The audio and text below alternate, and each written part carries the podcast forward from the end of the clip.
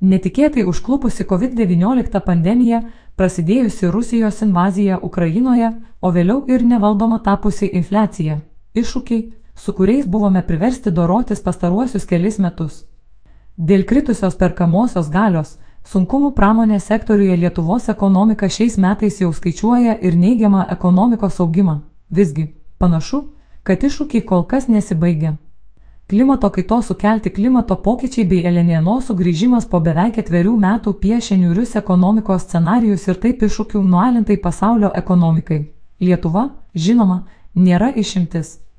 Stichinė sausra grasina pasėliams, o mažesnis derlius, panašu, atsilieps ir didesnėmis maisto kainomis. Elenieno sugrįžo. Praėjusią savaitę JOTV nacionalinės vandenynų ir atmosferos tyrimų organizacijos NOA mokslininkai patvirtino, kad prasidėjo LNNO reiškinys, kuris paprastai įvyksta kas dviejus septynerius metus. LNNO yra klimato ciklo reiškinys, kurio metu ramusis vandenynas įkaista. To pasiekoje padažnėja ekstremalių gamtos reiškinių skaičius - paudros, sausros ar stichiniai lietus. Mokslininkų teigimu, dėl klimato kaitos ir šylančios atmosferos LNNO atsiradimo rizika auga, o ekstremalūs gamtos reiškiniai tampa vis dažnesni, mažiau nuspėjami ir pridaro vis daugiau žalos.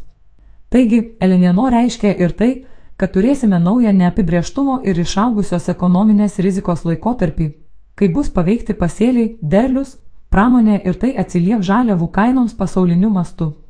Taip pat išauga gaisrų bei stichinių nelaimių rizika, kadangi Elenieno riboja ramiojo vandenyno galimybės pasisavinti šilumą iš atmosferos, jis sparčiau kaista. Taigi mokslininkai prognozuoja, kad dėl šio klimato reiškinio pasaulio vidutinė temperatūra šiemet perkops pusantro laipsnio Celsijaus, lyginant su temperatūra prieš pramonės revoliuciją. Praėjusiais metais beveik 30 pasaulio šalių fiksavo šilčiausius metus istorijoje. Tikėtina, kad dėl LNO efekto šis ir kiti rekordai šiemet bus pagerinti vėl, kaip tai paveiks šalių ekonomikas. Klimato kaita bei dėl to padažnėjusios įvairios stichinės nelaimės veikia šalių ekonomiką skirtingais kanalais. Pavyzdžiui, kai audros ar tornadai apgadina pastatus bei infrastruktūrą.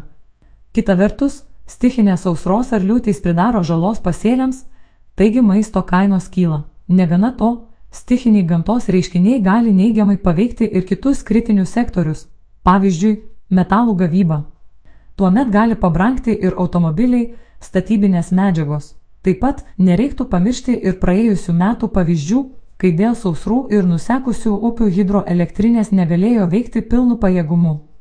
Dėl to elektros energijos kainos kilo, o Kinijoje pramonė buvo iš visų stabdyta beveik dvi savaitės. Bloomberg skaičiavimais, praeitie įvykę LNO klimato ciklo reiškiniai prisidėjo prie aukštesnės infliacijos pasauliniu lygiu.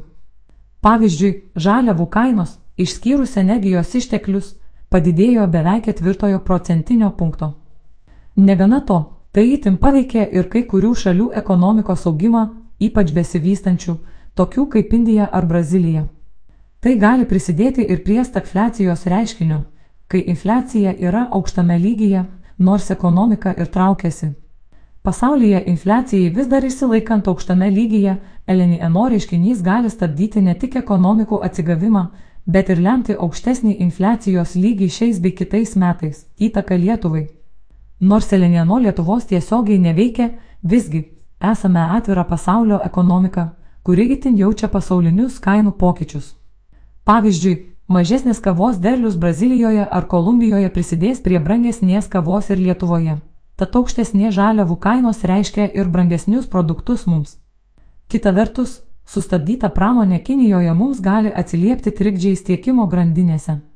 Tai gali lemti aukštesnį infliacijos lygį lėčiau atsigaunančią gyventojų perkamąją galę bei mažesnį ekonomikos augimą. Visgi, Lietuva turėtų jaudintis ne tik dėl Lenieno ir galimų šio reiškinio pesimistinių scenarijų. Užklupusi sausra jau grasina Lietuvos pasėliams. Lietuvos agrarinių ir miškų mokslų centras indikuoja, kad dirbožėmis toks sausas, jo pasiekia ir augalų vytimo zona. Jeigu ir toliau nesulauksime lietaus, Sausra gali būti panaši į 2018 metų sausrą. Tų metų trečiąjį ketvirtį dėl neįprastų vasaros sausrų žemės ūkio sektoriaus neigiama įtaka BVP augimui siekia net 1 procentinį punktą arba 100 milijonų eurų. Sausra grasina ir miškams, Didžiojoje dalyje yra pasiekta aukščiausia gaisringumo klasė. Taip pat nuseko upių bei kitų vandens telkinių lygis.